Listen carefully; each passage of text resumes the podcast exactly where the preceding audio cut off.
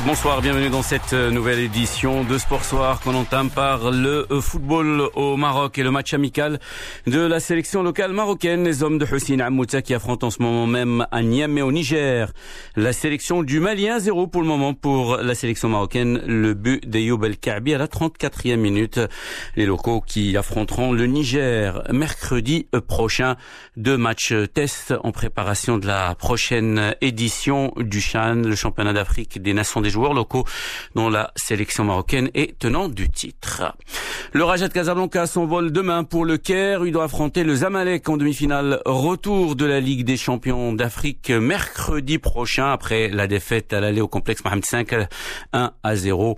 Le Raja qui a annoncé la guérison de pratiquement tous ses joueurs atteints de Covid-19. Seule incertitude, elle concerne le gardien Naznaiti Mohamed Douik qui doivent passer de nouveaux tests avant d'embarquer en Égypte. Pour sa part, le Zamalek a annoncé le retour à l'entraînement de deux de ses joueurs clés, Hazem Imam et Mahmoud El Winch, qui pourraient donc disputer ce match retour face au Raja de Casablanca.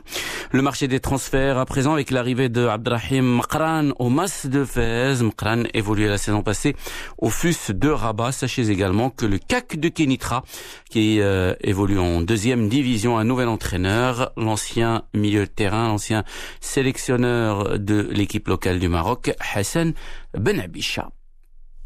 La légende des légendes du FC Nantes, Henri Michel, l'ancien sélectionneur du euh, Maroc qui aurait eu 73 ans cette euh, semaine. Le FC Nantes a annoncé cette semaine l'inauguration d'une statue à sa mémoire dans la cour d'honneur de la Beaujoire. Cette annonce n'a pas été du goût des supporters du club qui auraient aimé voir euh, cette légende, Henri Michel, et voir sa statue dans l'enceinte du stade. On écoute consultant pour le football français, Hervé Penaud une statue en l'honneur d'Henri Michel, qui est un immense héros. Alors on sait au Maroc, à Nantes, il incarne Nantes hein, parce, parce qu'il était, ses valeurs, le jeu.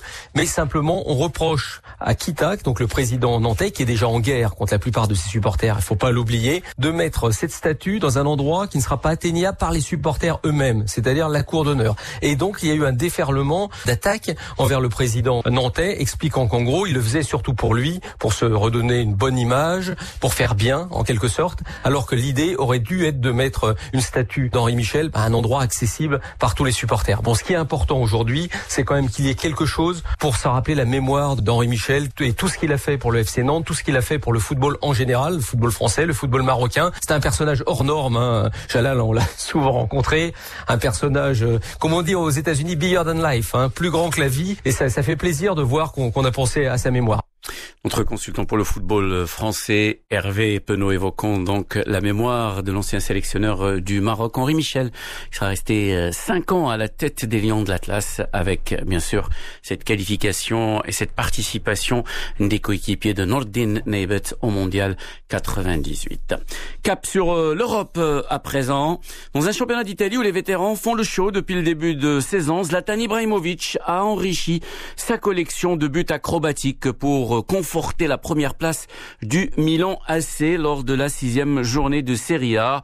Une journée qui a vu Cristiano Ronaldo, à peine guéri de Covid-19, euh, s'offrir un doublé pour son retour avec la Juventus. La Juve qui a donc retrouvé à la fois Cristiano Ronaldo et le goût de la victoire face au promu la Spezia 4 buts à 1.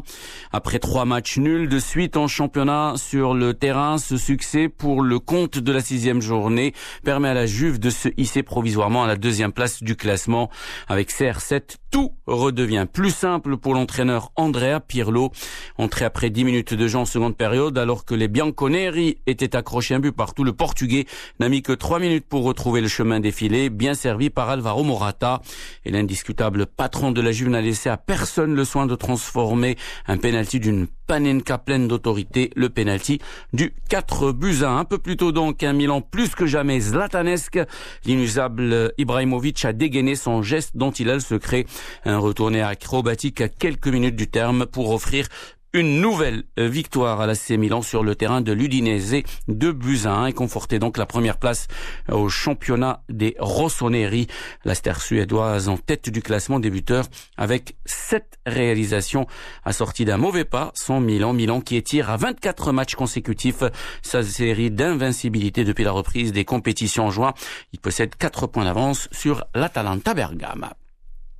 Enfin, mot de tennis, le russe Andrei Rublev, huitième joueur mondial, a décroché tout à l'heure son cinquième titre cette saison et a validé son billet pour le Masters. Il a dominé en finale en deux manches 6-4, 6-4 l'italien Lorenzo Sonego, 42e joueur mondial. Avec son sacre en Autriche, Rublev est désormais le joueur qui a remporté le plus de titres dans une saison 2020, amputé de cinq mois par le Covid-19. Surtout, il est désormais certain de participer à son premier Masters, le tournoi qui réunit les huit meilleurs joueurs de la saison écoulée du 15 au 22 novembre, un Masters prévu à Londres. Vous écoutez Radio Méditerranée Internationale, il est bientôt 18h47 minutes, c'est la fin de cette édition de Sport Soir. Merci d'avoir suivi, excellente soirée.